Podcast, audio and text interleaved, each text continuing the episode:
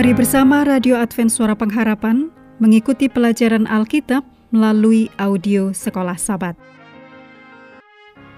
Selanjutnya kita masuk untuk pelajaran hari Senin tanggal 9 Oktober. Judulnya Pemuritan, Fokus dari Misi. Mari kita mulai dengan doa singkat yang didasarkan pada 2 Petrus 1 ayat 10. Karena itu saudara-saudaraku, berusahalah sungguh-sungguh supaya panggilan dan pilihanmu makin teguh. Amin.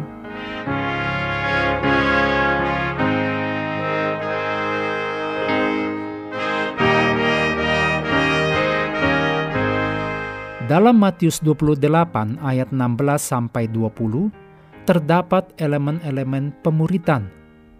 Matius 28 ayat 16 sampai 20 menyatakan tentang mandat kitab suci yang biasanya dikenal dengan istilah perintah agung.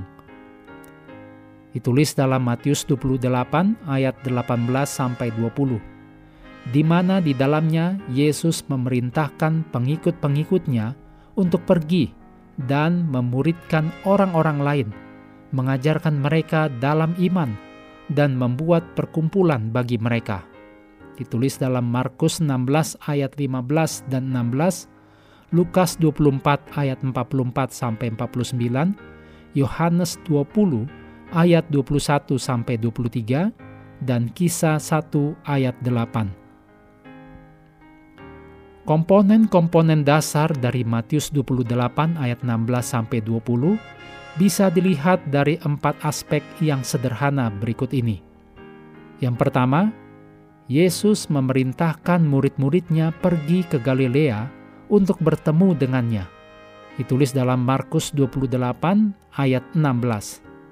Yang kedua, Yesus datang kepada mereka dan menyatakan otoritas dan kekuasaannya Ditulis dalam Matius 28 ayat 18. Yang ketiga, Yesus kemudian mengutus murid-muridnya untuk melakukan satu tugas yang khusus, yaitu memuridkan. Ditulis dalam Matius 28 ayat 19 dan 20. Dan yang terakhir, Yesus berjanji untuk menyertai murid-muridnya sampai kesudahan zaman ditulis dalam Matius 28 ayat 20. Pemuritan adalah fokus utama dari perintah agung itu, dan itu juga merupakan tugas utama dari misi. Secara literal, dalam bahasa asli Yunani, permulaan dari Matius 28 ayat 19 mengatakan, Karena itu pergilah, jadikanlah semua bangsa muridku. Ungkapan karena itu memberikan landasan bagi perintah tersebut berdasarkan apa yang baru saja disampaikan Yesus kepada mereka dalam Matius 28 ayat 18. Kuasa, otoritas, dan kedaulatan Yesus, semuanya ini datang dari kemenangan yang diperoleh dalam kebangkitannya. Adalah penting untuk digarisbawahi bahwa satu-satunya kata kerja aktif dengan penekanan pada kata perintah dalam amanat agung ini adalah jadikan murid. Ajarkan setiap orang, baptiskan mereka, dan bagikan ajaran Yesus ke seluruh dunia adalah merupakan ciri khas dari proses pemuritan. Dalam ayat ini, Yesus dengan jelas sedang mengarahkan murid-muridnya pada satu tujuan, yaitu pemuritan. Dalam ayat ini, Yesus dengan jelas sedang mengarahkan murid-muridnya pada satu tujuan, yaitu pemuritan. Hal ini benar-benar merupakan satu dari ayat-ayat yang berhubungan dengan misi di seluruh kitab suci. Ayat ini berakhir dengan janji Yesus untuk terus menyertai pengikut-pengikutnya. Sangatlah jelas Perintah agung itu ditujukan bukan hanya kepada murid-murid pada situasi tertentu pada waktu itu. Mereka tidak akan bisa pergi ke seluruh bangsa dengan kekuatan mereka sendiri untuk menjalankan misi baru yang diberikan, yaitu pemuritan. Untuk itu, perintah itu bersifat sangat universal dalam jangkauannya. Setiap pengikut Yesus Kristus yang sejati haruslah terlibat dalam kegiatan pemuritan.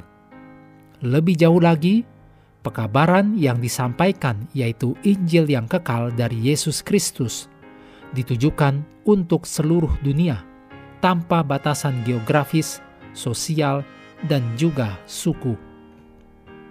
Misi yang dimaksud adalah untuk menjadikan murid.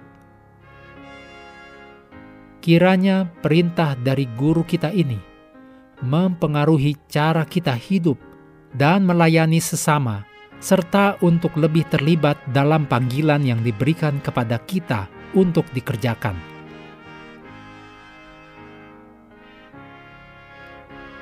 Mengakhiri pelajaran hari ini, mari kembali ke ayat hafalan Matius 28 ayat 19.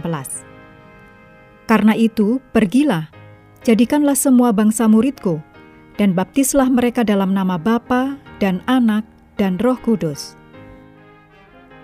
Kami terus mendorong Anda bersekutu dengan Tuhan setiap hari melalui renungan harian, pelajaran Alkitab Sekolah Sabat, bacaan Alkitab sedunia, percayalah kepada nabi-nabinya, yang untuk hari ini melanjutkan dari Amsal pasal 6. Tuhan memberkati kita semua.